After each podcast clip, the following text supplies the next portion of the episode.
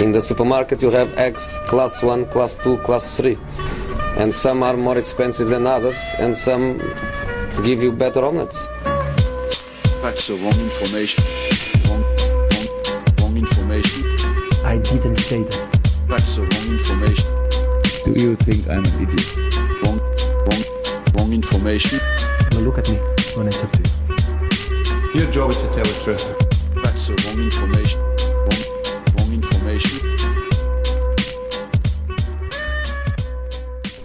Hej och välkomna ska ni vara till denna veckas avsnitt av Sportbladets Silly Season-podd. Jag heter Kristoffer Karlsson. Jag är alltjämt programledare för Patrik Syk som denna vecka, vecka faktiskt är på semester. Det är inte jag, det är inte Kalle Karlsson, det är inte Patrik Sjögren. De här herrarna fortsätter att njuta av fotbolls-VM, men det är snart slut. Kalle, hur bedrövad är du?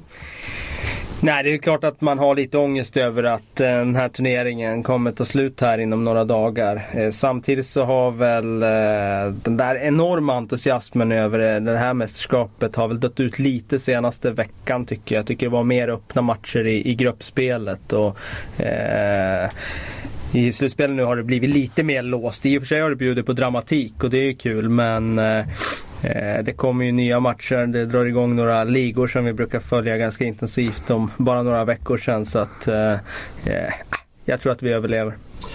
Är det någon spelare som man kommer att sakna när VM är över? Som man kanske inser att den här spelaren kommer jag inte se så mycket i klubblag. Hur känner du där Patrik? Ja, men det känns som det är vissa spelare som alltid så här, får lite fria tyglar och kan överprestera lite i VM. Det kommer ju sådana nya lite då och då. Det tycker jag Quadrado har varit jäkligt rolig. Jag vet inte riktigt om han kommer få den rollen eller den, den möjligheten om han nu byter klubb och så vidare. Så, sådana så här nya, han är inte en ny bekantskap, men nya bekantskaper på det sättet tycker jag att man kommer sakna allihop faktiskt. Och alla galna målvakter som inte kommer få spela några topplag för att, eh, som vi pratat om tidigare, de kan inte stå rätt men de kan slänga sig förbannat jävla bra. Har du någon sån spelare Kalle som du kommer sakna? Nej men det är väl mer om man går till de här mindre nationerna. Eh, jag menar liksom de här i Algeriet, Slimani och de här. De kommer ju inte återfinnas i några topplag. Eh, ja, han spelar ju Sporting då men de ser vi ju inte så ofta eh, i de stora sammanhangen. Så att, eh, det är väl sådana spelare i mindre, mindre lag som, som man kommer att sakna. Fyra lag återstår i turneringen. Det är allt vi har kvar. Det är fyra lag som ska göra upp om den här VM-titeln. Och jag tycker vi, vi börjar det här silly-avsnittet med, eh, med de fyra lagen. Och riktar in oss på Tyskland och kollar på en Toni Kroos som inför mästerskapet hette det lite grann, kommer han få förtroende av Löv? Han har fått förtroende, han har levererat. Men i Bayern München så ryktas det att han inte är önskad längre. Vad, hur galet är det tänker ni? Ja, han är väl önskad i Bayern München på det sättet att eh, han var ju ordinarie under förra säsongen och han eh, i mina ögon är han en av världens bäst, mest passningsskickliga mittfältare och det tror jag att de tycker i Bayern också. Men han är inte så eh, viktig i Bayern så att de ger honom en grotesk lön och den kan han få någon annanstans. Så det är väl där det någonstans eh, skär sig mellan de här parterna. Att Tony Kroos tycker att han är värd mycket mer i lön och kan få det i andra klubbar. Bayern eh, kommer inte att ge honom den lönen och därför tror jag att han kommer flytta i sommar. Eh, nu ser det ut att bli Real Madrid. Uh, och uh, där kommer han ju få, vad var det, 113 miljoner euro per säsong. Och det är ju ja, det är långt ifrån vad Bayern erbjuder. Är det en spelare som Real Madrid behöver? Behöver det på lite hur de tänker. Det känns ju som man kanske kan, kan vara bra. De har ju ändå en generationsväxling på gång där centralt mittfält. Xabi Alonso ska ju ut snart, så enkelt är det ju.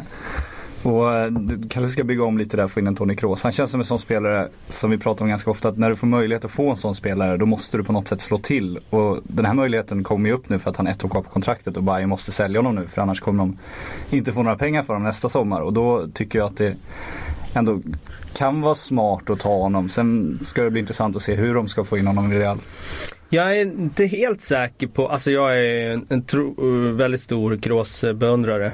Men jag är inte helt sådär övertygad om att han just nu passar in i det pusslet de ska lägga där. För att det är viktigt på ett tremannamittfält att ha eh, olika egenskaper. Och, eh, Luka Modric är ju en eh, spelare som vill ha mycket boll. Eh, och sen ska de ha någon som ska spela defensivt bakom. Eh, men eh, därför tycker jag att en sån som Kedira som spelartyp passar väldigt bra in i ett sånt mittfält. Han springer och han springer för andra. Om Kroos kommer in där så kommer han ju inte vara den spelaren som springer och tar löpningar utan han kommer vara den som vill komma ner och hämta bollen och styra. Och på det sättet så vet jag inte om balansen kommer bli den bästa där men som sagt han är en otroligt bra spelare så att eh, skulle han bara få rätt roll i Real Madrid så är jag övertygad om att han lyckas. Om vi kollar på den problematiken då. Hade han gjort sig bättre i ett Manchester United? För det hette ju under hela den gångna säsongen att han skulle till Manchester United. Ja det tror jag definitivt. Han har varit en perfekt spelare för Manchester United på det sättet att de hade kunnat haft en Carrick eller en ny Michael Carrick eh, i den defensiva rollen som hade skött allt städjobb. Och så hade de kunnat haft Tony Kroos bredvid eller snäppet framför och det, då hade han verkligen fått den där, alltså en skräddarsydd roll för som passar honom. Och Problemet är att Manchester United är inte perfekt för honom nu kan man ju säga. Eftersom det- det är ändå ett ett bygge som ska börja om på något sätt och de missade Champions League och det finns ju en viss krisstämpel och eh, väldigt många frågetecken kring det laget. Och då gå från Bayern München som liksom är ja, men Europas kanske bästa lag. Bortsett från Real Madrid då och eh, gå och liksom på något sätt gå ner sig då. Så man ändå måste ta ett steg ner till United. Det tror jag inte Tony är så sugen på nu när han ska ha pengar och ära som verkar vara det han jagar i första hand. Om vi tittar på Real Madrid då och Florentino Perez, presidenten. Är en krosvärvning Går, är, går det att jämställa med en Suarez-värvning för Barcelona? Är det en Galactico-värvning så att säga? Är Kroos en Galactico? Ja, Marknadsmässigt är han ju inte det men för mig är han nästintill en Galactico för att eh, vi pratade om det tidigare, jag tjatar om det. Just det där centrala mittfältare som gör skillnad finns det få av på marknaden och han är en sån spelare. För mig är han ja, monstruöst bra som, som eh, spindel i nätet. Eh, lirare. Så att eh, ja, han är nästan en Galactico men han blir ju inte det rent marknadsmässigt. Han kommer inte sälja flest tröjor och han är inte den som kommer sitta på flest affischer runt om i världen. Men han är så pass bra att han är en av världens absolut bästa mittfältare. Och man får ju vänta ut VM också känns det. Nu möter de i Brasilien som är, har stora problem. Tar sig Tyskland till final och vinner VM då och Kroos har någon slags avgörande roll där. Då helt plötsligt kan han ju förvandlas till en Galactico liksom om en vecka. Så det finns ju alla möjligheter om de vinner VM att de kan lyckas sälja in och sådär. Och Bayern München då? Hur, hur mycket lider de av att uh, tvingas sälja en eller tvingas släppa en uh, Tony Kroos här? Så prestigemässigt tror jag att det är rätt tungt för dem. För att han är ändå eh, Alltså något som är Bayern, alltså tysk, riktigt tysk motor, landslagets motor också. Det känns ju som det han skulle bygga på inför framtiden och inte en Thiago egentligen då. Så inte en Schweinsteiger som fyller 30 nu. Nej, precis. Så att, eh, nej, för, för mig är det märkligt att de ger ifrån sig honom. För att det är precis som du säger. Alltså, där har du en spelare som kan leda det där mittfältet i tio år framåt. Medan Schweiner kanske har 2-3 år kvar. Och vi har redan sett att hans kurva börjar dala. Och Lam, vi vet inte riktigt hur det blir med det mittfältsprojektet. Han kanske är tillbaka på ytterback snart. Ja, då har du ju liksom minus två mittfältare där. Så att eh, jag är förvånad ändå över att de inte gör mer, sträcker sig längre i den där löneförhandlingen för att behålla honom.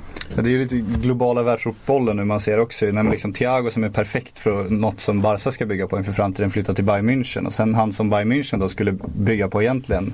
Han blir ersatt av Thiago och flyttar istället till Real Madrid. Liksom. Så att det, det är lite märkligt att de inte Värdera det högre, det, det ansiktet de hade fått båda klubbarna inför framtiden. En annan tysk som har varit oerhört framstående under det här VMet är mittback Mats Hummels. Eh, som jag tycker det märkes, märktes när han var borta mot USA hur, hur Tyskland blev lidande i den matchen. Oerhört eftertraktad. Det heter Manchester United. Men går det att locka Hummels till Manchester United utan Champions League-spel? Nej, jag tror inte det. Eh, jag tror att han är lite för bra. Har Champions League-spel i den klubben där han är. Eh, är fortfarande ung. Och kommer ha andra intressenter efter sig om han väl är ute på marknaden och öppen för en flytt. Eh, så att jag tror inte att Manchester United klarar av att lösa honom. Utan går han så tror jag kanske att det blir ett Barcelona i hans fall det borde jag prata om Barcelona om han nu var på väg någonstans. Nu är det ju väldigt tysk i Mats Hummels trots allt och han är ju liksom en, en av världens bästa mittbackar vid 25 år nu. förlorade i december tror jag. Och då borde det ju snackas en hel del om det var så att han överhuvudtaget gick att få loss. Att det är så tyst brukar man ju kunna tyda som att det, han sitter rätt lugnt i båten. Han blir inte lockad av ett Barcelona då. Det, där kan man ju tänka sig att han får en otroligt viktig roll och en, en otroligt stor utmaning att styra upp det mittförsvaret. Alltså Barcelona de har ju vissa begränsade resurser ändå ska man veta. De har ju eh, försökt liksom fixa sin ekonomi. Det har varit det stora projektet de senaste åren. Så lyckas de ändå ta in en Neymar för 1,2 miljarder eller vad det landar på till slut med alla bonusar och Nu annat. ska de ha en Suarez Nu ska för de ha en Suarez. 900 miljoner. Exakt, och då om de då tar en Suarez för 900 miljoner och känner att det är det viktigaste för dem. Att de då ska värva en Mats Hummels för 300, 400. Ja. Det, det känns som det blir väldigt mycket pengar. Det går att göra samma ekvation på United. De har ju redan lagt en 700 miljoner omkring på Herrera och Luke Shaw. Ska de då också dra ut ytterligare? Ska de upp över en miljard i år? Ja, Manchester United tror jag i och för sig har budget och pengarna, pengasäcken för att greja en rejäl transfersommar och att den skulle kunna dra iväg på, på över miljarden utan problem. För att eh, de är i en sån där situation att de verkar ha fått ägarna att förstå att vi måste satsa nu för annars kommer vi kunna tappa liksom vår plats i hierarkin på längre sikt. Och eh, därför tror jag att de kommer att, de kommer liksom inte hålla igen och det har man ju sett på deras affär. Jag menar 700 miljoner för de här två spelarna. De har ju köpt potential snarare än något annat och att det landar på 700 miljoner, ja då, då är man beredd att satsa liksom. Så att United har stålarna men eh, i Barcelonas fall som du säger det det är tveksamt om de skulle lägga upp de stålarna. Jag är ju oerhört eh, förbryllad över deras, eh, alltså, deras negligerande av att köpa eh, en mittback som alla kan se att de behöver. Eh, och istället liksom bara titta på offensiva spelare. Men det, ja, det är ju deras val. Men de ska köpa en mittback nu i alla fall har de lovat. Eh, De skulle ju egentligen behöva två kanske. Men då pratas det om han Mafieux från, från Jo, Valencia. men det, ja, och det är i och för sig en bra värvning. Det är i och för sig en bra värvning. För han kan spela både vänsterback och mittback. Och han har ju faktiskt utvecklats i Valencia till en riktigt, riktigt bra mittback. Men det är också så här. Varför kan inte mittback bli första prio Mm. för när alla ser att det är det viktigaste? Nej men så är det så är det första prio. Eh, det kan ju alla säga nu.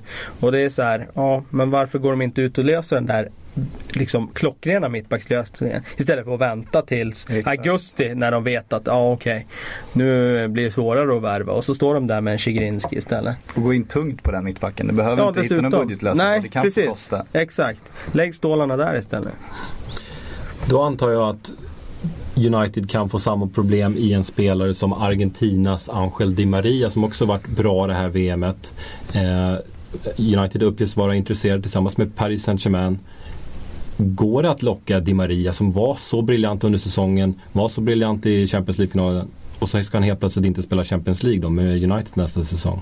Ja, om man övertygar honom om att han eh, att det här är ett liksom en ökenvandring på ett år och sen ska vi vara tillbaka i Champions League. Då tror jag nog att det går att, eh, att locka honom. För han har ändå vunnit Champions League nu och han kan vara i den där situationen att ja, jag, vill, jag behöver en ny utmaning och jag skulle kunna ta en stu, stort lönekuvert för att, för att ta upp en, en, en annan klubb upp i toppen igen. Liksom. Så att eh, jag har större, större chans att värva Di Maria än Hummels ska jag säga. Jag tror också man kan spela på Di Marias ego känns som. För han var ju, han var ju bäst i Champions League-finalen tycker jag. Jag tycker han har varit en av de bästa i Argentina också förutom Messi. Men han har hela tiden varit liksom i bakgrunden av Ronaldo och som kom Bale in. Då blev han liksom, han har aldrig varit den där stora stjärnan, samma i landslaget. Om United går till honom och tydligt säger att liksom, du kommer vara vår reklampelare, vår fixstjärna. Liksom, det, det, är du som är, det är du som är Manchester United nu. Då tror jag att de hade kunnat, av rent egoistiska skäl, övertyga honom. Men det blir svårt om PSG kliver in samtidigt och säger ja du blir inte vår stjärna men du får dubbelt så mycket lön. Så Mm. då finns det vissa problem där också. Chile är ju an- annars ett landslag som har haft lite, lite klubbars ögon på sig i kraft av eh, eh, Vidal och Sanchez. Eh, om, vi, om vi börjar med Vidal då som kom in i mästerskapet skadad och knappast eh, övertygade några klubbar under mästerskapet som var. Han är en spelare som kopplas också ihop med United. Men passar han i van Schals idé om hur United ska spela om vi tyder hans holländska spelsystem? Passar han in i det? Ja, det tror jag att han gör. Jag tror, tycker han är så pass anpassningsbar spelare Vidal. Så att han eh, skulle kunna gå och foga in i, i princip i vilket system som helst faktiskt. Eh, så det tror jag att han gör. Sen är ju frågan när det gäller han om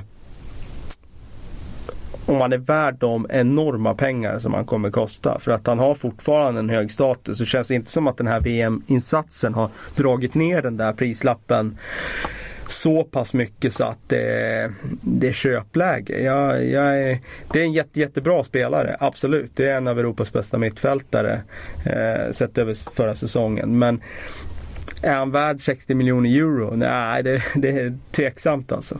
Men det är dags att avliva den här myten. Det känns som att alla frågor man får om Vidal är så här, ja, men, skulle han passa in eller liksom, vill United verkligen ha honom? Och, och liksom som om han var någon slags fyndspelare som kanske skulle vara bra. Det här är liksom en super, superstjärna. Han skulle kunna gå till Real som en Galactico. De skulle kunna liksom presentera honom så. Och Juventus ser honom framförallt. Så han är väl tillsammans med Pogba deras liksom riktiga stöttepelare. Och att de då skulle, alltså han är ingen, inget fynd. Han är ingen du liksom så här tar om du får, inte får någon annan. Han är antingen så satsar du allt på honom eller så tar du honom inte. För att han är svindyr och liksom ruggigt jävla bra. Och Sanchez då? För nu skriver Liverpool Echo att det ser ut som att Liverpool förlorar kampen till Arsenal. Och hur nöjda ska Arsenal-fansen vara med att få en anfallare av Sanchez klass efter att ha fått stå ut så att säga med Giroud den här gångna säsongen? Ja, du ser honom som nia alltså? Ja, det gör jag. Ja. ja, det gör väl jag också. Mer som nia än som ytter. Dock så tror jag väl att han är köpt för att spela i båda positionerna. Eh, lite beroende på vad som man ger i övrigt. Köper de in en striker, ja då kan de använda Sanchez på kanten istället. Blir det ingen striker, ja då kommer han kunna agera falsk nia där framme. Eh, jag tycker de ska vara oerhört nöjda om de, om de signar Sanchez. För att det är ju en sån spelare som har odiskutabel kvalitet. Och sådana spelare kommer alltid att, eh, att leverera tids nog. Kanske blir en inkörning, inkörningsperiod i England men till slut så kommer han definitivt att leverera. Det är jag helt övertygad om. Så att eh, det är klart att Arsenal-fansen ska vara nöjda och det, det, det, är det väl alltid när den klubben spenderar pengar. så att säga. Ja precis, alltså, de har ju längtat efter att plånboken ska öppnas och nu när den öppnas då, om de gör det nu med, med Sanchez så är det klart de jublar. Men lite varningsflagga tycker jag. För det heter ju att de kommit överens med Sanchez personligen men inte med Barcelona än. Och man vet ju när Sen Wenger ska sätta sig och diskutera hur mycket en spelare egentligen är värd så brukar det vara ganska stora differenser mellan hans uppfattning och den säljande klubbens uppfattning. Och han drar sig inte för att dra, ur, dra sig ur affärer om han inte tycker att han liksom Liksom, ja men om de tar ett pris han inte tycker att den spelaren är värd. Så att om det är så att han inte riktigt har kommit så långt med Barcelona än då är det dags att liksom ta det lugnt på det här för då kan det hända precis vad som helst fortfarande. Men, men annars så kopplas ju Arsenal ihop med en handfull spelare och, och känslan det här fönstret är nästan att det här blir sommaren där det värvas tre, fyra spelare. Håller ni med mig där? Är det, det, det här har vi sagt Det där är så, ja, jag, jag har känt så så många somrar. så att jag vågar inte säga det längre. Eh, jag, säkert- jag har känt så förra sommaren, definitivt kände jag så. Ja. Ja, det här är sommaren, nu kommer det ske liksom. Eh, nu finns pengarna där, arenan är nästan betald. Alltså allt det där, som man, det där mantrat som man har återupprepat liksom i flera års tid. Men det blev ju inte så utan det blev till slut en, ja, eh, en deadline day värvning av Mesut Özil. Och det var ju i och för sig bra men eh, eh, aj, det, det måste till, det måste ske saker. Jag vill se det först innan jag slår fast att de kommer att gå på tre, fyra toppnamn. Vi har sagt samma sak i fyra år. Det är liksom två saker. Dels att Arsenal ska öppna plånboken rejält och dels att Niklas Bentner ska säljas. Nu försvinner ju Bentner så någonting har ju hänt i alla fall. Men sen återstår det att se om de gör det där verkligen. Debussy kan vi väl nog räkna in. Det kan vi... Den kan vi nog räkna in. Eh, det ser ju ut att vara klart. Liksom. Ja, och det leder mig till nästa fråga. Debussy framför Serge Aurier. Vissa Arsenal-fans är lite, lite, lite förbannade över att det, det lutade åt Debussy-hållet istället. Om ni vore Arsene Wenger, vem hade ni tagit? Aurier eller Debussy? Ja, på sikt Aurier. Eh, på kort sikt Debussy. Eh, han gjorde en väldigt, väldigt bra säsong i, i Newcastle förra, eh, förra året, det här gångna året. Och eh, visade den formen som han tidigare visade i Lille. Så att eh, jag hade nog valt Debussy. Däremot så är det klart att Aurier med sin ålder är en väldigt intressant spelare. Men det är nog också, får man nog ge Wenger rätt, att Aurier hade varit bra som understudy till Sanja ett år och liksom fått växa in i kostymen. Eh, nu finns inte Sanja kvar. Då måste de ha ett första val. Och han kände inte att Aurier var så tillförlitlig så att han kunde gå in och ta första pass, liksom posten där. Så att eh, ja, jag väljer nog Debussy. Ja, det är precis som Lekip skriver det. Kalle säger också att de ville ha han som på tillväxt. Och eh, Wenger är ju inte sån som köper en, en 21-åring och lånar ut honom till Vitesse i två år och hoppas att han blir bra. Utan de jobbar lite annorlunda där Arsenal. Och då är det ju lite tidigt att kasta in Orier, som vi har varit inne på tidigare kanske inte är så defensivt skolad som Arsenal önskar. Kasta in honom direkt och ge honom liksom första spaden där, det hade varit modigt. Aurier leder mig in på en annan ivorian, nämligen Yahya Touré. Det är snygga övergångar du har. Ja, men tack du- så mycket. Jag har Ja. lyckats riktigt bra med Ja, det. Fortsätter. Eh, Like, like a glove. Yahya Touré i alla fall. Han var förbannad i slutet på säsongen. eh, Menade att eh, klubben inte hade firat hans födelsedag på korrekt sätt. Sen så var han även otroligt missnöjd med att han inte fick ledigt för att åka och hälsa på sin eh, bror som eh, låg döende. Eh, efter, han hade inte ett starkt VM ska sägas. Eh, syntes på honom att han var sliten. Efter turneringen så går han till attack mot eh, domarkåren som han menar dömde bort dem. Min fråga är kan City behålla en, den här arga Yahya Touré den här sommaren? Eller är han på väg någon annanstans? För det har varit tyst ett tag nu. Ja, Yahya Touré historiskt sett brukar vara arg av två anledningar. Det ena är att han tycker att han har för dålig status och det andra är att han tycker att han har för dåligt betalt. Han har väldigt bra status i City. Han har väldigt han har bra väldigt bra betalt i City. Får han ännu mer betalt i City så är jag övertygad om att de inte har några som helst problem att hålla kvar honom. Nej, så är det ju. Samtidigt kan jag köpa, liksom tycka ändå med hans supersäsong i åtanke så är det ändå lite säljläge nu. För nu har han gjort den här supersäsongen. Hans pris är väldigt högt. PSG skulle säkert lägga sjuka pengar för att få han. Men han är 31 år nu. Eh, han har ju för sig en unik fysik så att det är möjligt att han håller längre än vad andra mittfältare gör. Men han har inte så många år kvar där han kan vara den här mittfältaren som bara blåser från straffområde till straffområde och, och är liksom, uh, liksom prototypen för en box-to-box mittfältare. Jag, jag ger han ett, två år till och sen, sen, sen får vi nog inte se det längre. Men hur hade de klarat sig utan Yahya Touré då? Hur fyller man det tomrummet? Nej det går inte. Det, det, det går inte att hitta en ny Yahya Touré bara sådär. Det är omöjligt. Alltså han, eh, det han gjorde den här säsongen i Premier League var ju fullständigt unikt. Han, eh, ja, eh, Premier League har ju inte haft en sån spelare sedan, Roy Keens dagar. Och eh, då ska vi lägga till då, eller Patrick Vieira var väl också lite den typen. Men då ska vi lägga till då också att Yahya Touré gjorde ju alltså 20 mål ungefär. Och det gjorde varken Roy Keane eller Patrick Vieira under något år. Utan han, han hade ju den dimensionen också. Och äh, på det sättet är han unik under PL-eran faktiskt. Han är ju defensiv mittfältare och anfallare samtidigt. Det är helt osannolikt. Ja, han är, han är enorm. Han är fullständigt jävla briljant. Och sen liksom bara från ingenstans bara plötsligt börjar han liksom dunka in frisparkar i krysset liksom. bara, men vad fan, han har inte liksom visat den där kvaliteten tidigare. Han har säkert haft den där kvaliteten lite sådär. Men han fick ju aldrig slå dem i Barcelona och sen kom han till City. fanns det alltid någon som var framför honom i kön där. Sen började han ta dem och då satt de i krysset varannan gång liksom. Men han är aldrig med i täten när det ska röstas Ballon d'Or. Nej men det där är ju också en sån där eh, grej som, alltså den typen av spelare får inte den crediten de förtjänar. Jag menar, det var ju som när Paul Scholes, han var ju ofta inte ens med när, när Ballon d'Or hade 30 namn på den här listan. Och det var lika horribelt det.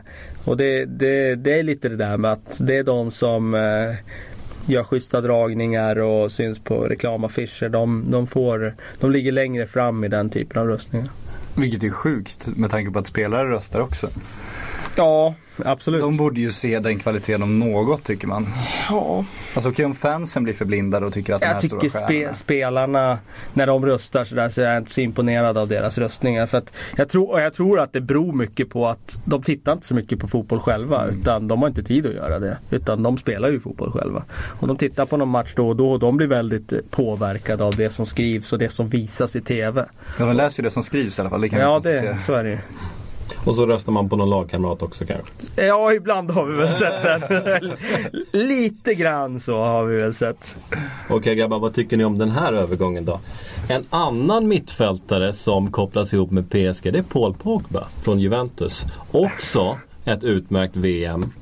Och det här är en kille som spås bli fransk fotbolls absoluta framtid. Och min fråga till er är hur länge dröjer det innan han spelar i PSG? För det är väl oundvikligt? Ja, det är det väl. Alltså PSG har ju obegränsat med pengar.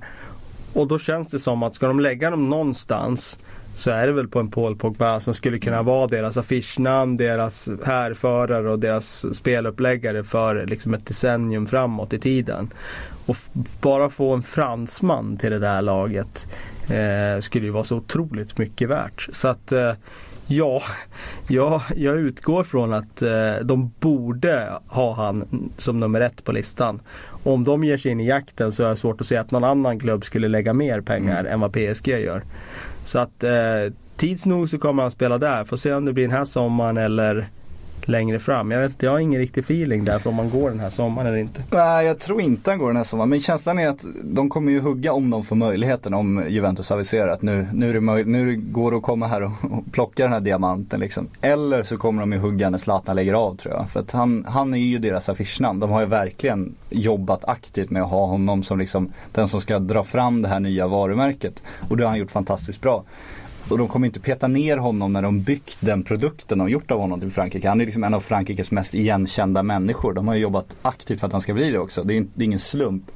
Och att de då ska liksom ta ner honom och börja om det jobbet med Paul Pogba när de inte behöver det riktigt ännu. Det tror jag inte.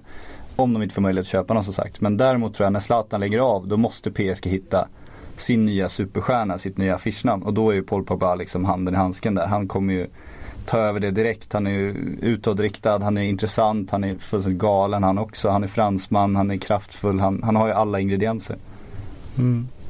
Just fransmän i PSG är ju någonting som klubben gärna ser. Griezmann har varit Säger ett, de. Ja, Griezmann har varit ett namn som har eh, legat på lut lite grann efter uh, har varit så otroligt bra i Real Sociedad. Kommer med i landslaget, kliver rakt in, gör det också bra. Hur stort avtryck kan han göra i ett PSG och tror ni att han spelar där? Är, är han eh, nära Paul Pogba i, i den nivån att PSG vill ha honom? Har, har han stärkt sina aktier? Han är inte riktigt Pogba-klass men eh, jag tycker ju att han är tillräckligt bra för att få till en PSG-flytt. Absolut. Och med tanke på att Cavani inte är nöjd med att spela på kanten så tycker jag definitivt att eh, eh, de borde titta på en eh, kanske en kantspelare av riktigt hög klass. Så jag ser inte så många andra yng- yngre spelare som skulle vara bättre än han som ytter som är tillgängliga att köpa. Så att eh, det är samma sak där. Fransman. Det känns som ett mm, klockren PSG-köp alltså. Ja, och spelar i en, en mindre klubb ändå så det, det är möjligt att vifta med pengarna där. Men sen får vi se hur PSG ska spela också. Alltså Cavani fick väl garantin att de ska spela med två anfallare. Gör de det så får man se liksom hur de ska pussla upp sitt mittfält också. Då blir det ju en- ett, ett annat jobb på ett sätt. Men eh, om de ska spela med en anfallare och behöver, då behöver de ju en ytter så är det ju. Förra, förra veckan pratade vi om att eh, VM har varit målvakternas mä- mästerskap. Eh, och nu har det hänt lite grejer i alla fall på ryktesfronten. Keylor Navas kopplas ihop med Bayern München. Ska du dra din favoritspelare nu? Ska du göra det? Eh, den, den- den kommer senare. Ja, bra. Eh, nej men Keylor Navas i alla fall till Bayern München. De aktiverar eh, utköpsklausulen där heter det. Och hur tänker ni när ni, av, när, av tanken att Keylor Navas ska sitta på bänk för Malmö? Ah, det känns helt jäkla främmande. Alltså det känns jättegalet. Eh, då kan han lika gärna stanna i Levante känns det som. Alltså om han i det här läget när han är som allra hetast ska åka och sätta sig där och slå inlägg till Manuel Neuer på uppvärmningarna. Istället för att liksom synas varje vecka i någon toppliga. Vilket han borde kunna göra. Det, det, ja, det känns jättemärkligt. Så att jag hoppas verkligen att det här inte stämmer. För jag, jag vill se honom i en toppklubb. Eh, och se honom vecka ut och vecka in. Ja, om inte Neuer ska spela Libro och han ska vara målvakt där så tror jag inte heller att det här stämmer. För Det går i och för sig inte att utesluta. Nej, det går det verkligen inte att göra. om vi kollar på en målvakt som hade lite svagare mästerskap då. I, i, Vi- Willy Caballero. ja, han hade det väldigt svårt. Ja. Det var på andra sidan jorden. Han var ju felfri. Osynlig ja. samma gång. Ike Casillas hade ett eh, svagt VM va? Kan man säga. Eh, Det kan man säga. Eh, och nu, nu dyker den här frågan upp igen. Vad, vad händer i Real Madrid egentligen? Är det, är det business as usual? Kommer, kommer eh, Lopez och Casillas att dela på, på första spaden där? eh, Eller, eller är det dags att röra på sig? Hur tyder ni den där situationen? Kan, kan det fortsätta som det var under den gångna säsongen? Det är ju lurigt. Nu löste det sig bra ändå eftersom Real Madrid gick långt i Champions League och så fick han Champions League eh, liksom, turneringen att glänsa i. Men det kan man inte räkna med nästa år. Jag tycker det, det är en oerhört märklig situation för att det är ganska o, ja, jag skulle säga nästan unikt att man eh, gör en sån målvaktsuppdelning. Eh, och tveksamt om det håller ytterligare ett år utan att det på något sätt rämnar någonstans. Jag tycker att det är lite säljläge. Trots att Casillas är den han är och den ikonen han ändå är i Madrid. Så var det ju faktiskt någon eh, tidning som skrev så sent som idag att, eh, att Real Madrid hoppades att Arsenal skulle visa intresse igen. Och det tyder ju någonstans på då kanske att Real Madrid skulle ta ett bud om det kommer ett i sommar. Och ja, det kanske är det rätta. För visst, de vinner Champions League. Men han släpper in ett billigt mål i den finalen. Och så kan han och gör det här VMet. Kan det till och med bli så att han att han inser själv att det börjar bli, ta, ta slut och att han accepterar en bänkplats i Real Madrid. Att han inte ens har kuppspelet att förlita på sig. Kan ni tänka er Ike Casillas i en stadig bänkplats i Real Madrid? Jag kan göra det. Alltså han har ju alltid proklamerat sin ständiga kärlek till Real och, och jag tror att han, om man ser till hans familj och om man ska tyda de intervjuer hans flickvän gör, som han ibland faktiskt måste göra. Eh, hon har ju varit väldigt tydlig med att de ska bo i, i Madrid i alla fall och verkar inte ett dugg sugen på att Ja, flytta. kan han gå till Atletico? Ja, exakt. Även har en liten unge och sådär så att han har det nog rätt bekvämt där. Så jag tror att han, han kan ju försvara och sitta på bänken med sin kärlek till klubben liksom. Och klubben kan ändå vara väldigt nöjda med att ha en sån ledare på bänken liksom och ändå hävda att han är viktig i sån roll. Så jag, jag är nästan mer rädd för att han kommer göra det och växla ner där på Reals bänk och sen bli någon någon klubbikon som vandrar runt som ett spöke på Madrids gator tills han får en hjärtattack och går bort sådär tragiskt som vi sett. Så att jag anar att det är så det kan sluta. För att det känns inte som om han Alltså är han redo att börja om i Premier League på det sättet? Är han redo att ta den utmaningen? Ja, det känns som att han prioriterar andra saker på något sätt. ja, det är möjligt. Och han känns ju inte som en kille som åker till Qatar med sin familj även fast han skulle vilja lära sig engelska och bli fotbollstränare. Som Xavi. USA då? Ja det är möjligt. Nej, så inte kanske den här sommaren men eh, Nej, något år absolut. framåt. Absolut, det skulle inte vara helt utslutet. Kan Sara Carbonero få något jobb där på TV och bli en stor Hollywood-profil liksom. Exakt. Nej, klockren lösning. Sitta på tennis med Samuel L. Jackson och vara stel. Exakt. Det går nästan inte att spela in en Sillypodd i dessa tider utan att nämna Luis Suarez. Nere i Spanien så fotas eh, hans Barcelona-tröja av. Ska vara till försäljning heter det där nere. Men de engelska tabloiderna är ändå inne på att det bråkas lite grann kring, kring strukturen av den här betalningen. Hur, hur länge dröjer det här? Är, är det på gång eller kan det, kan det bli så att den inte blir av den här flytten? Är det ens möjligt? Nej, det kommer bli av och det kommer bli av snart. Det, det de bråkar om är ju strukturen som du säger. Det som hänt är ju att bara, alltså om man ska tro allt som alla skriver som vi gör nu eftersom alla skriver samma sak. Det är att Barcelona har betalat den där utköpsklausulen för Suarez förhandlade in förra december när han förlängde sitt kontrakt. Och nu eh, bråkar de ju om liksom när pengarna ska betalas. Det är så om du betalar 75 miljoner pund eller euro eller vart det nu landar eh, för en spelare så betalar du inte allt kontant på en gång. Det är inte så det fungerar utan du delar ju dels upp det på ett antal år och sen delar du också upp det via olika liksom prestationsrelaterade klausuler. Efter 20 mål blir det så mycket pengar. Efter 40 matcher blir det så mycket pengar. Så det är, just nu försöker ju Barcelona göra det så fördelaktigt som möjligt för dem genom att dela upp betalningen så mycket som möjligt antagligen. Så att de kan slå ut det här på flera räkenskapsår så att de klarar de här Financial Fair Play-reglerna och sådär och även kan handla lite annat. Kanske en mittback förhoppningsvis. Och Liverpool försöker få så mycket pengar som möjligt på en gång så att de kan fortsätta den här galna jäkla shoppingrundan de är ute på.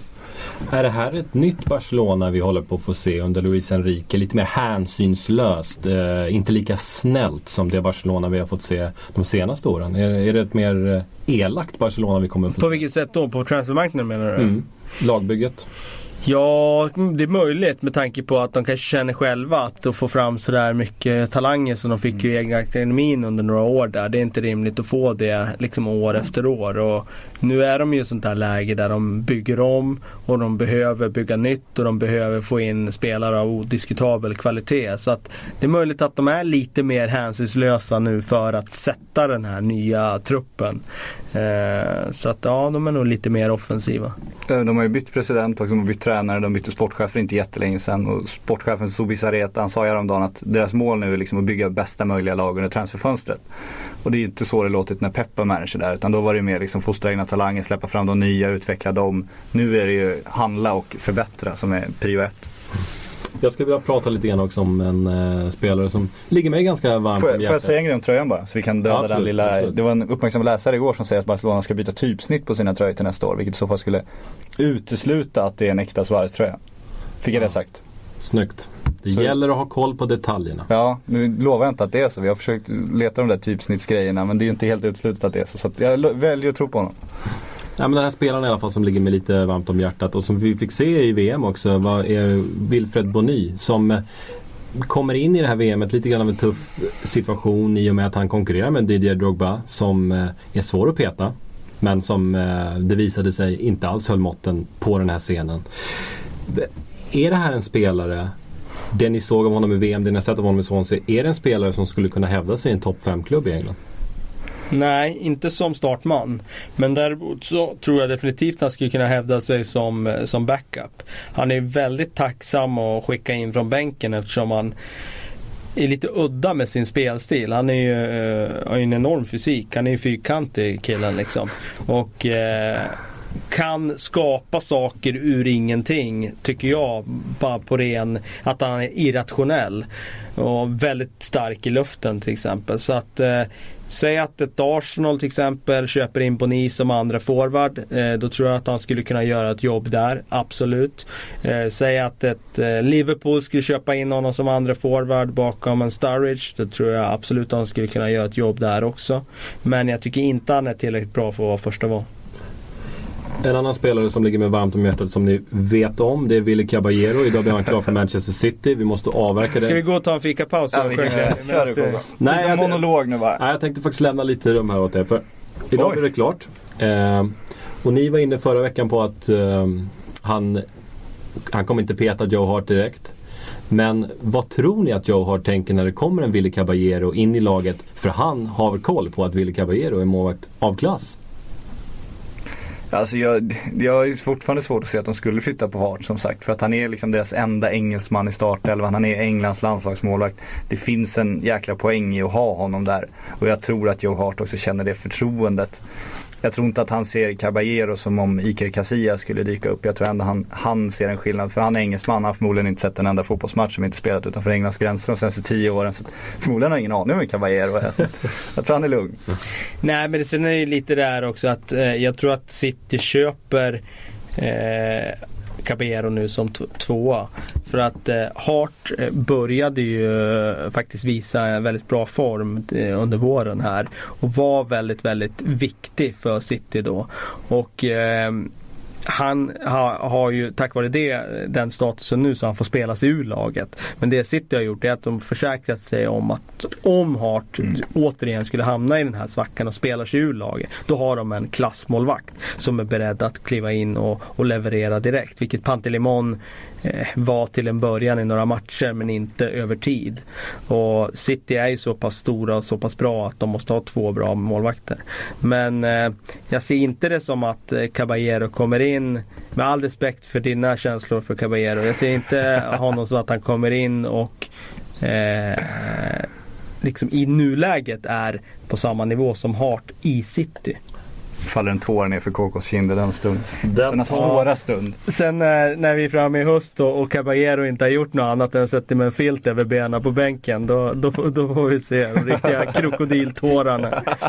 Vi torkar de tårar och går vidare till ett annat lag som eh, avlastar lite engelsmän. Chelsea till exempel har eh, nu släppt eh, Ashley Cole till eh, Roma. Ja, det var en lite överraskande deal får man säga. Han gör allt för att ta bort det där C innan sitt förnamn kan man säga. Ja, just det. Ja, det får man säga. Med tanke på att han gick ner från, vad var det? 200 000 pund i veckan ner till Mm. 300 35 000 pund i veckan. Eh, I grundlön ska sägas. Han eh, har bonusar som gör att han kan tjäna 80 000 pund i veckan. Men då lär han nog spela och Roma lär vinna en del titlar för att det ska falla ut alla de där bonusarna. Men eh, alltså får man han gratis så ska jag ranka det som en väldigt bra värvning. En Ashley Cole som är revanschsugen efter att ha suttit på bänken bakom Aspilicueta. Eh, och som är ute liksom efter en ny utmaning. Eh, nej, det är väldigt bra fysik också för att vara i den åldern. Han är 33, fyller 34 i, i december. Men är ju väldigt lätt i kroppen så jag tror att han har två år kvar på absolut toppnivå. Och jag älskar Ashley Cole för det här. Vi, det är så lätt att håna folk som går till USA och Saudi och Qatar och, liksom, och vill göra sina pengar. Ashley Cole gör ju den flytt jag själv skulle göra om jag var fotbollsspelare. Alltså, han har ju tjänat enorma pengar. Han behöver ju inte mer pengar. Då flytta till Rom och spela på liksom, för Roma inför den publiken i en sån utmanande liga ändå och testa någonting nytt innan han lägger av. Det är, jag förstår inte att fler inte gör det. Det är genialt av honom. Säger det någonting om italiensk fotboll? Ja det gör det ju såklart och det är ju lite bekymmersamt eh, såklart att, att man återigen liksom hamnar i det här att man Mm. plockar äldre spelare som har sett sitt bäst före datum. Eh, nu tycker jag väl i och för sig att det är okej då eftersom det är bossmanvärvning och man inte betalar någonting för det. Men det är klart att det, det är ett problem eh, att man hamnar i det här att man plockar äldre spelare. Ja, det borde finnas någon ung italienare som Roma kan släppa fram istället kan man ju tycka. Det hade varit det allra bästa. Ja. Förutom eh, Cole då så har ju David Luiz lämnat för PSG och Lampard ser klappad och klar ut och lämnar han också. Vad försöker Mourinho göra med det här Chelsea? Är det nu han börjar sätta sitt avtryck här eller? Ja, han försöker ju göra den eh, generationsväxling som är oundviklig. Eh, den måste ske och jag menar Chelsea var ju egentligen eh, kanske på toppen där eh, runt 2011. 2010-2011. Där kändes det som att den här generationen stod på toppen. De vann ju ligan där under Ancelotti. Eh, nu känns det som att de har behållit de här spelarna eh, lite för lång och trogen tjänst något år till. Och eh, nu, måste de, nu måste de förändra, nu måste de förnya. Och därför känns det som att han gör det enda rätta, att han, han genomför den här generationsväxlingen. Ja, man kan, ju, alltså, man kan ju eh, ifrågasätta varför det är så få engelsmän. Men det är ju bara att kolla också hur svårt det är att köpa engelsmän. Kolla Southampton nu, där släpper Luke Shaw och eh, Lalana. Och de kostar tillsammans mer än vad eh, PSG betalar Milan för Thiago Silva och Zlatan Ibrahimovic. Och det är ju en viss skillnad där. Så att ska du värva och liksom vinna ligan då är det klart det är bättre att köpa Diego Costa och Cesc Fabregas för de pengarna. Lite andra löner där i och för sig då och lite Absolut. annan ålder såklart. Men eh, ja, visst det finns en poäng. Det är klart att det är överpris på engelska spelare. Ut åker engelsmännen. In kommer spanjoren slash brassen Diego Costa. Som eh, hade en genombrottssäsong i Atletico Madrid. Eh, innan dess inte lika enastående. Eh, gjorde ett svagt VM med Spanien får vi säga. Även om han hade problem med skador. Men kan Chelsea-fansen verkligen vara trygga i att han kommer till Chelsea och repeterar den enorma säsongen han hade i Atletico? Nej. Nej, jag sa också nej. Eh, man kan absolut inte vara trygg när det gäller Diego Costa på något sätt. Och det man är trygg i när det gäller honom och den här affären eh, det är ju att eh, Chelsea kommer vara vassare framåt än vad de var under förra säsongen. Eh, så pass mycket tror jag att han kommer bidra med i alla fall.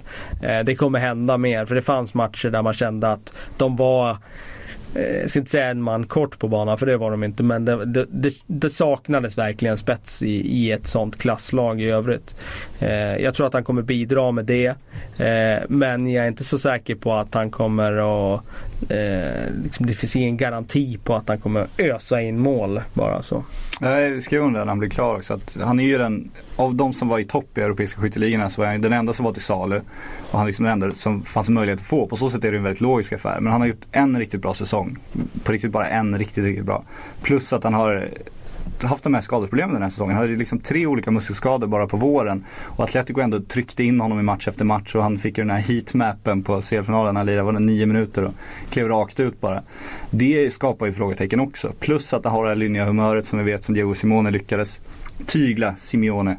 Men eh, som vi inte vet vart det landar. Om, han, om José Mourinho skulle tända på fel växlar där så kan det ju hända precis vad som helst. Så att han är ju en galen man, det är en galen värvning. Det kan sluta precis hur som helst känns det som. Kommer Romelu Lukaku finnas i Chelsea för att backa upp honom om det inte funkar?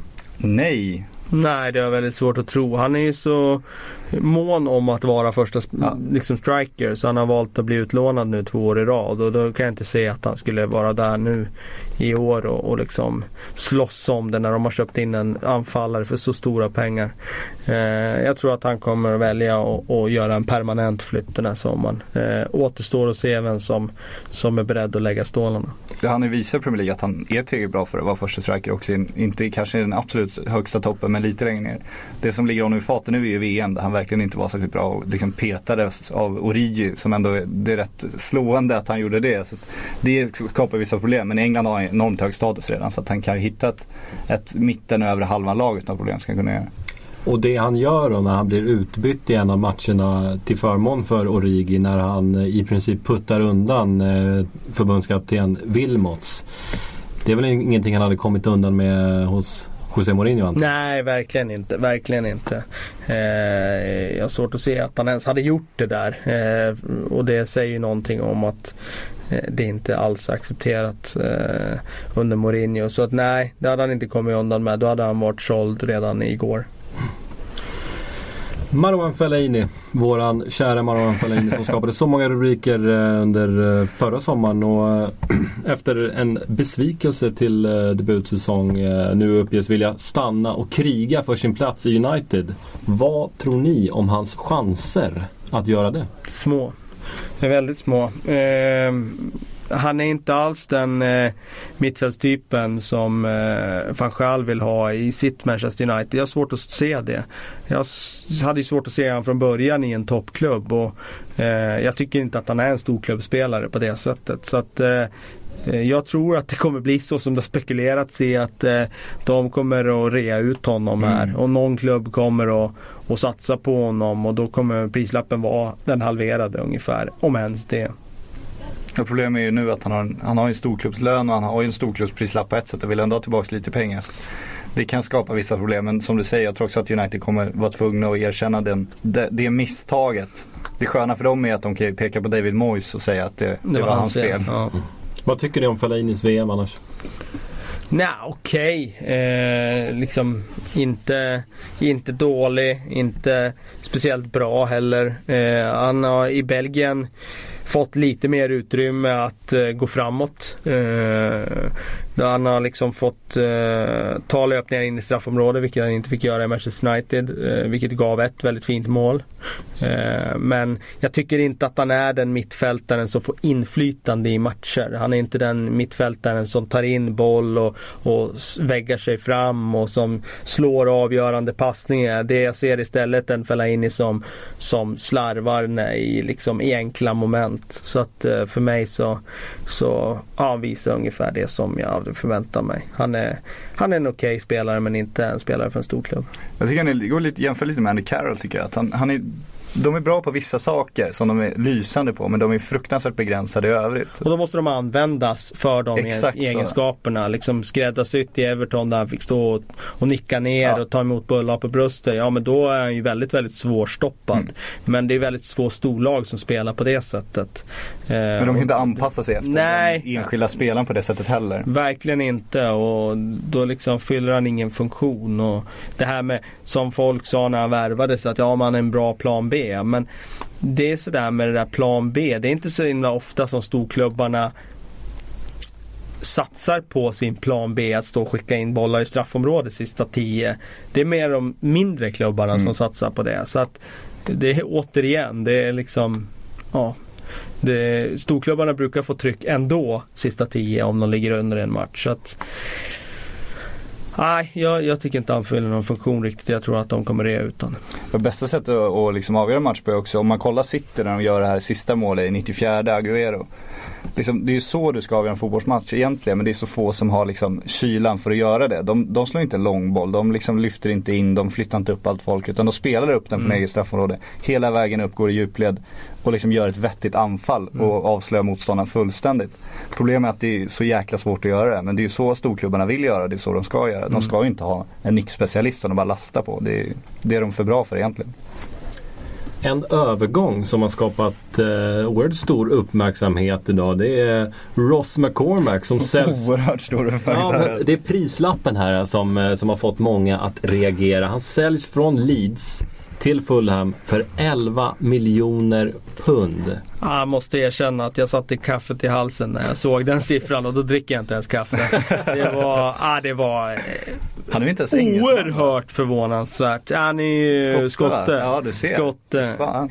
Eh, Så, ja, precis, man kan inte peka på det där med English nej. talent. Utan eh, det är liksom Scottish talent. det har Scottish blivit jäkligt dyrt nu på senaste tiden. Alltså. Eh, nej men eh, helt horribelt att slänga ut 11 miljoner pund på en sån spelare som inte har liksom satt sin fot i Premier League. Ja. Det är en spelare från andra divisionen. Och även om det är en måltjuv och även om jag tror att han kommer att göra mer än vad Kostas Mitroglou gjorde i Fulham och det får vi nästan utgå ifrån att han gör. Eh, så eh, jag blir lite rädd för Fulham när, när man gör det här för att eh, det, det är trots allt så att man eh, är i en väldigt kritisk situation och så eh, slänger man ut en massa pengar på Kostas Mitroglou. Det blir inget bra. Mm. Och nu slänger man ut sanslöst mycket pengar på en Ross McCormack. Eh, ja, Shahid Khan, ägaren som tog över efter eh, Al-Fayed där, har ju inte övertygat riktigt sedan han klev in. Men fatta Leeds liksom när, när Fulham har lämnat förhandlingsrummet och de har stängt dörren och vet att de inte hörs längre. Jublet hos Leeds representanter då. De fattar att de har, Ja. de landat där. Ja, Man kan ju inte ens ha tänkt den summan när du gick in i det förhandlingsrummet. Ja, det är bara att gratulera Celino som han heter som eh, nu cashar in på kontot. Ja, det, är, det är mycket märkligt faktiskt måste jag säga att, att, att man lägger så mycket pengar. Det känns som att alltså 6 miljoner pund, 7 miljoner pund, ja, okej. Ehm, ja, där någonstans. Men hur gick förhandlingen till liksom? För man brukar börja gick- högt och en börjar lågt och så möts man i mitten. Vart fan började Nej, men Leeds? jag liksom? tror att de eh, var ungefär som under Peter Ridsdales dagar när han var i Leeds och levde drömmen som det hette då och körde dem fullständigt i botten. Nej, jag körde den där löneförhandlingen med Seth Johnson där när Seth Johnson gick in och trodde han skulle få alltså, han, Seth Johnson och hans agent skulle börja på eh, eh, typ 150 000 pund i veckan. Typ så. Och Peter Ridsdale när han kommer in så säger han bara ja nej men eh, ah, vi, vi kan väl börja med 250 för att bara börja känna på varandra. Liksom. Eh, wow, visst. Eh, Det var ungefär sådana siffror. Eh, så att det kanske var så det gick till här Ja, också. Fulham erbjöd 15 miljoner pund från början. Och då liksom, ja, ja. Leeds hade varit nöjda med 8 miljoner och Fulham erbjöd 11 miljoner direkt. Ja, förmodligen måste det varit så. De tog fram pennan bara. direkt liksom. Ja. Ja. Då har det blivit dags för eh, scoutingrapporten. Veckans scoutingrapport. Ett eh, numera fast inslag i den här podden och det är jag som sköter den den här veckan faktiskt. Eh, och jag har valt ingen mindre än Lazar Markovic. Den serbiska anfallaren född 1994. Som eh, under tiden Benfica har spelat allra mest i en eh, front trea, en offensiv trea ute till höger. Eh, men det här är en kille som kan spela både centralt och på kanterna. Väldigt anpassningsbar. Eh, han har spelat i Partizan Belgrad eh, innan. Han har spelat både yttermittfältare till vänster och till höger. Han har spelat trekvartista. Han har spelat släpande anfallare. Han kom till Partizan från Borak Čakak. En gång till. Borak Čakak. Tack. men bytte tidigt till Partizan Belgrad och det var där han fick sin fotbollsskolning.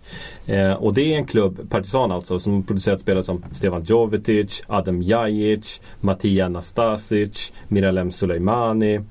Och Markovic följdes tidigt av Europas stora klubbar eh, innan han debuterade med Partizans A-lag 2011. Efter det gjorde han 46 matcher för klubben. Han gjorde 13 mål och landslagsdebuterade redan 2012 för Serbien. Eh, I landslaget har han gjort 12 matcher, 2 mål. Eh, och har även även hunnit med att spela CL-kval med, med Partizan. Även om de inte lyckades ta sig till slutturneringen. Så vann då Benfica den här dragkampen förra sommaren och under den gångna säsongen har han eh, startat 19 ligamatcher och gjort 5 mål. Eh, och den här killens styrkor är att han är, han är vindsnabb, han har en otrolig acceleration. Eh, vilket gör honom livsfarlig för motståndare om han lämnas ytor att springa in i.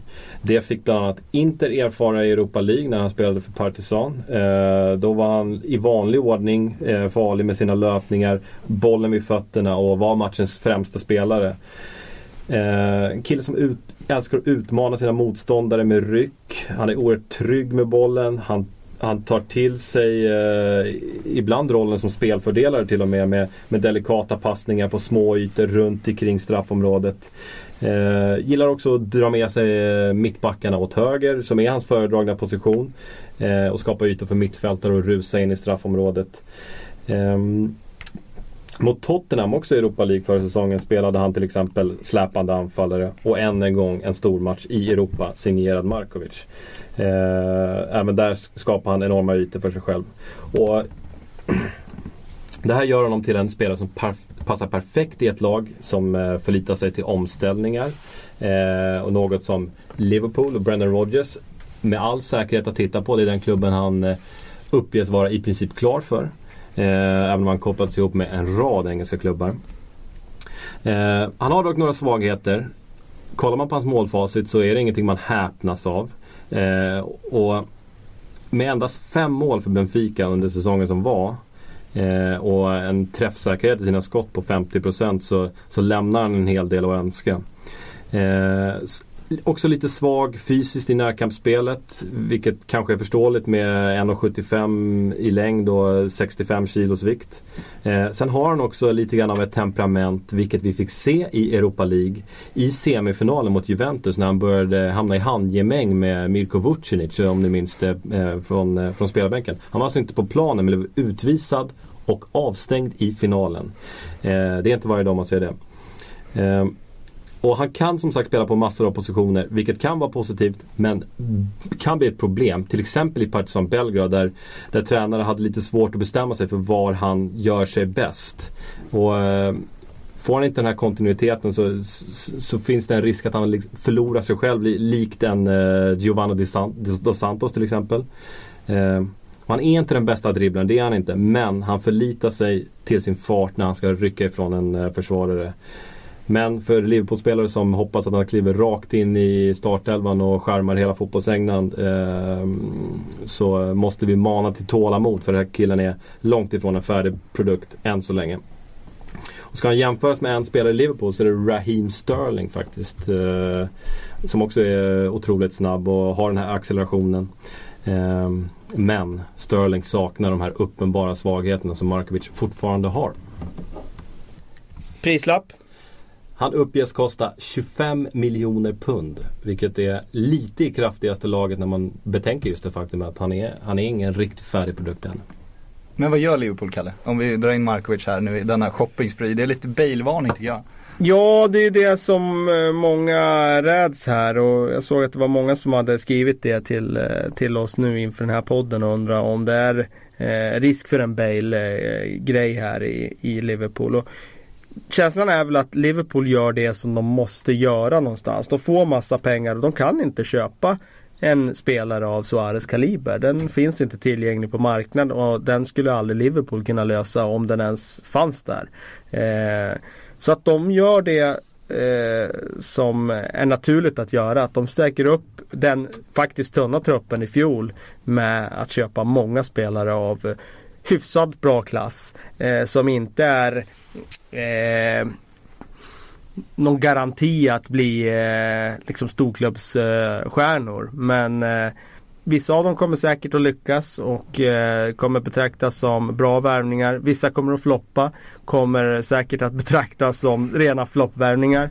Men eh, det är väl det som de eh, måste göra. Jag kan inte se riktigt alternativet. De kan inte köpa eh, sälja Suarez och köpa Zlatan. De kan inte liksom sälja Suarez och köpa James Rodriguez. det, liksom, det går inte. Finns det inte en risk då att man, att man tar in så många nya spelare i truppen och det ska liksom alla ska liksom anpassas på en gång. Hade det inte varit bättre att liksom stärka upp försvaret för de släppte ändå in väldigt många mål och sen gå in tungt och försöka ha någon som du verkligen, verkligen satsar på. Men vem skulle det vara? Vem skulle de lösa? Nej, jag kastar upp frågan här. Nej men jag tror det är svårt för dem att hitta den spelaren och få loss den spelaren mm. som man liksom är garanterat att ja det här är, blir en stjärna i Liverpool som kan gå in och liksom bara axla Suarez mantel.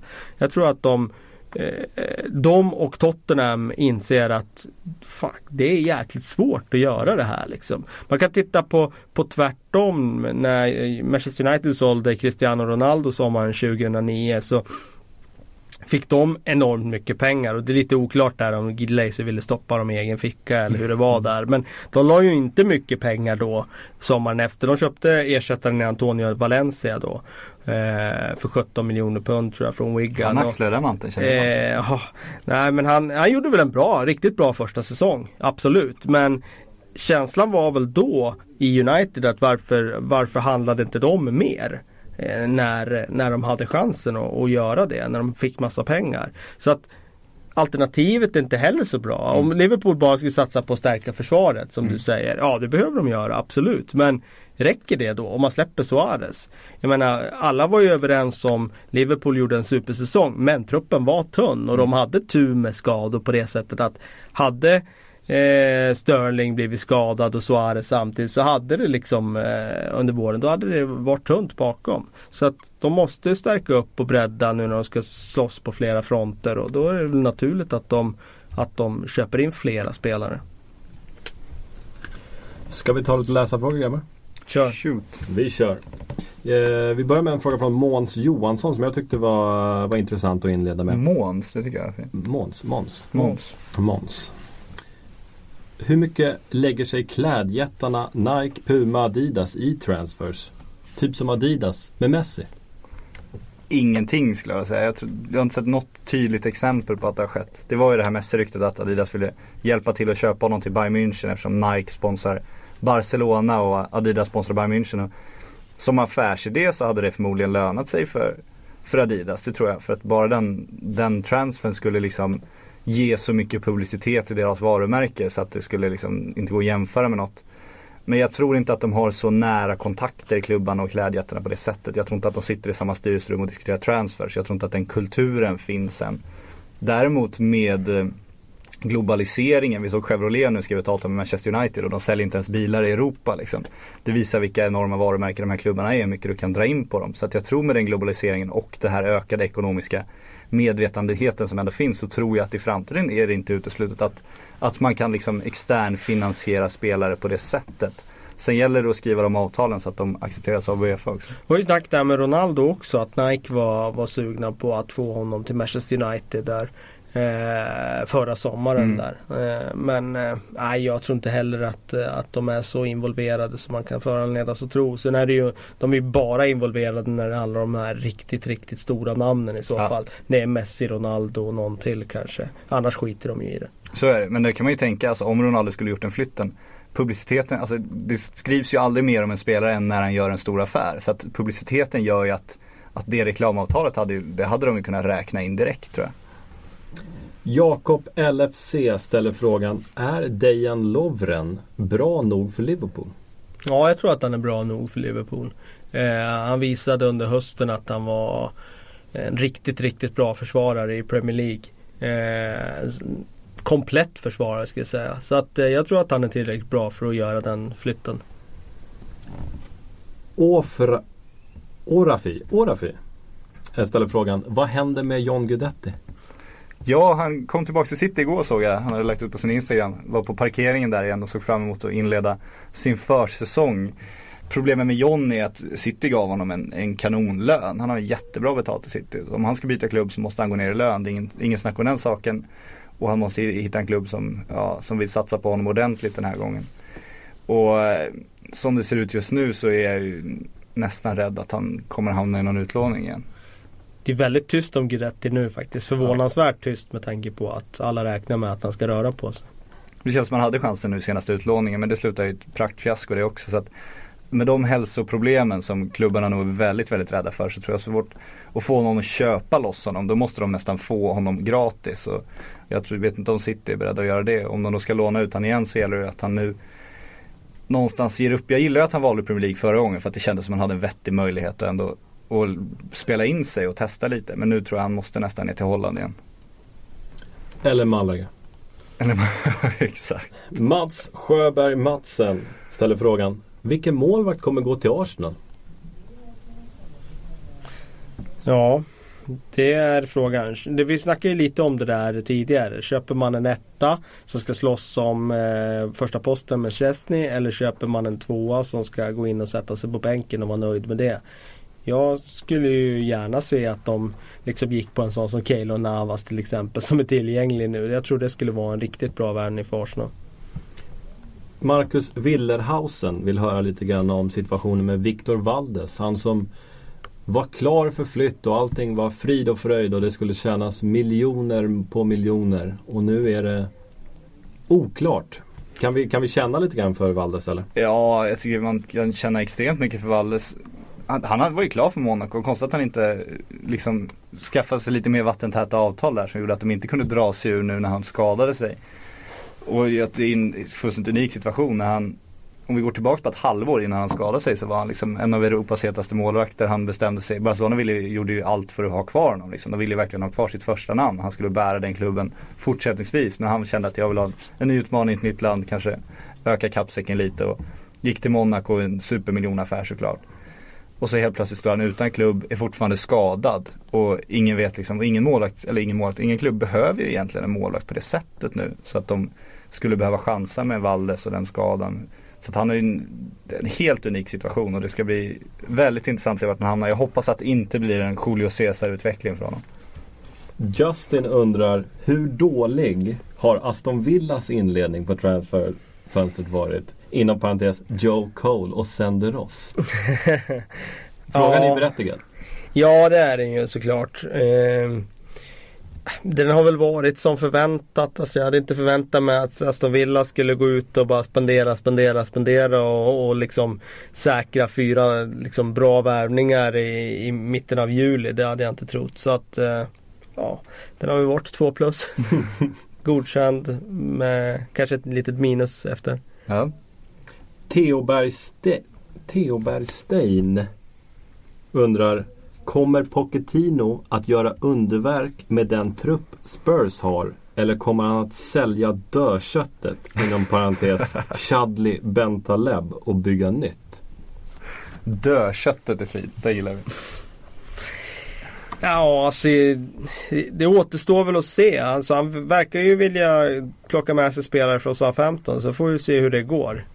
Eh, jag tror ju att han eh, definitivt eh, säljer av dödköttet som innebär Chadli i alla fall. Jag ser inte riktigt att han fyller någon funktion i Spurs. Bentaleb har jag dock gärna kvar. Jag tycker att han gjorde det bra, den egenfostrad spelare. Ser ingen anledning till att man inte ska ha kvar en så ung spelare som ändå gjorde avtryck förra säsongen. King Julip undrar När gör Manchester City sin nästa jättevärvning? Likt Kun eller Jaja? Syftar på en spelare som är topp 5 i världen på sin position. Så jag tror, dels måste man väl kolla på det ekonomiska. De har börjat växla ner, så är det ju. De har gjort de här jätteinvesteringarna i början. Då var de, då de här jätte, jättestjärnorna kom. Nu har ju de som Chelsea precis också har gjort börjat liksom växla tillbaks och deras trupp ska väl gå mer eller mindre jämnt ut nu ekonomiskt är det tänkt. Och då, då lägger du liksom inte så mycket pengar på en spelare om du inte säljer en spelare först. Så jag tror att de måste göra sig av med någon, när någon ska ersätta skulle jag säga. Ja, och när den spelaren finns tillgänglig så att Mm. han överhuvudtaget går att köpa.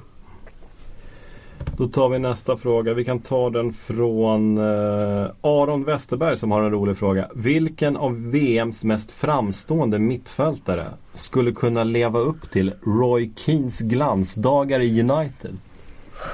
Ja, det är svårt. Eh, det är inte riktigt eh, den sortens mittfältare som produceras idag. De mittfältarna som är bra idag tycker jag mer blir liksom en Tony Kroos spelare som är otroligt duktig passningsspelare och har spetsegenskaper med sitt skott och att han kan stå och styra spelet och bara vrida ut crossbollar till höger och vänster. Eh, den där Roy Keane spelaren med, med allt vad det innebär, eh, den ser jag väl inte riktigt i i världsfotbollen idag. Eh, alltså då tänker jag med den här idioten som Ja. liksom gör eh, alla de där helt galna grejerna också. Eh, nej, jag ser väl inte riktigt den sorten produceras längre. Ja, det ska vara totalspelare nu. Du ska Ja. inte ha de där rena rollspelarna längre. Du ska kunna allt. Jakowski undrar Är Mika Richards en fullgod ersättare till Debussy? Hur tror ni att Newcastle kommer att ställa upp sin backlinje? Ja, om det inte blir eh, några stora förändringar så är det väl en högerback som ska in där då. Eh, och då borde det väl bli Mike Williamson och Colucini och sen Santon till vänster. Och sen en ny högerback. Eh, var ju väldigt mycket flyttsnack för ett och ett halvt år sedan men han verkar, verkar bli kvar. Han ville åka hem förra sommaren och sommaren innan dess. Ja, mitt i januari där, mitt på våren där ville Ja. jag åka hem. Eh, för ett och ett halvt år sedan. Men det blev ju inte så då. Ehm, Man kanske hittar Erik Nivas favoritställen där i Newcastle. Så Ja, man, man vill bo i den stan. Eh, nej, jag, jag vet inte om Michael Richards är en fullgod ersättare. Men han är ju för ett Newcastle är han ju ändå en okej Mm. ersättare som både kan spela högerback och spela mittback. Så då, ja, det finns säkert mer att plocka ut lite av Richards också. Vars kurva inte direkt har pekat uppåt senaste åren. Bra profil också. Måste gilla Michael Richards. Ja, absolut. Han var ju DJ på inneklubbarna i Manchester och det gillar man ju. Det gillar han absolut. Jag vet inte om samma musik går hem med Newcastle och det återstår att se. Oerhört underhållande i Citys YouTube-kanal också. Extremt bra där. Han är ju huvudpersonen där. Ja. Han är den Guidetti jag önskar att han var någonstans tror jag. Ja, lite så. Eh, Steffen Freund får avsluta vår frågestund med frågan. Jag är intresserad att höra vad ni tror om Lamela säsongen som kommer. Blommar han ut? Ja, alltså det man såg i Roma så såg man ju en spelare som hade det mesta som ytter och var väldigt, väldigt duktig en mot en. Och eh, såg ut att ha bitarna för att kliva in och, och göra det i en toppklubb. Eh, otur såklart med skador men eh, att, att, att, att skulle vara, spela så liten roll i Spurs under det här året det får man ju någonstans att, att tvivla på att det är någonting mer i kanske liksom det här sättet att acklimatisera sig i ett nytt Mm. land och sådär. Så att eh, Nej, jag tror inte att han kommer att bara explodera i år. Det tror jag inte. Men eh, är han kvar i Spurs så tror jag ju med, med tanke på att det kommer en, en tränare nu som är från samma land och så att han kan få ett lyft och eh, säkerligen kanske spela sig till en, en startplats i alla fall. Då tackar jag Får jag kuppa in en fråga? Ja, absolut. Vi känner det. Det kom mycket på Twitter nu om att jag bara sätter två plus på United.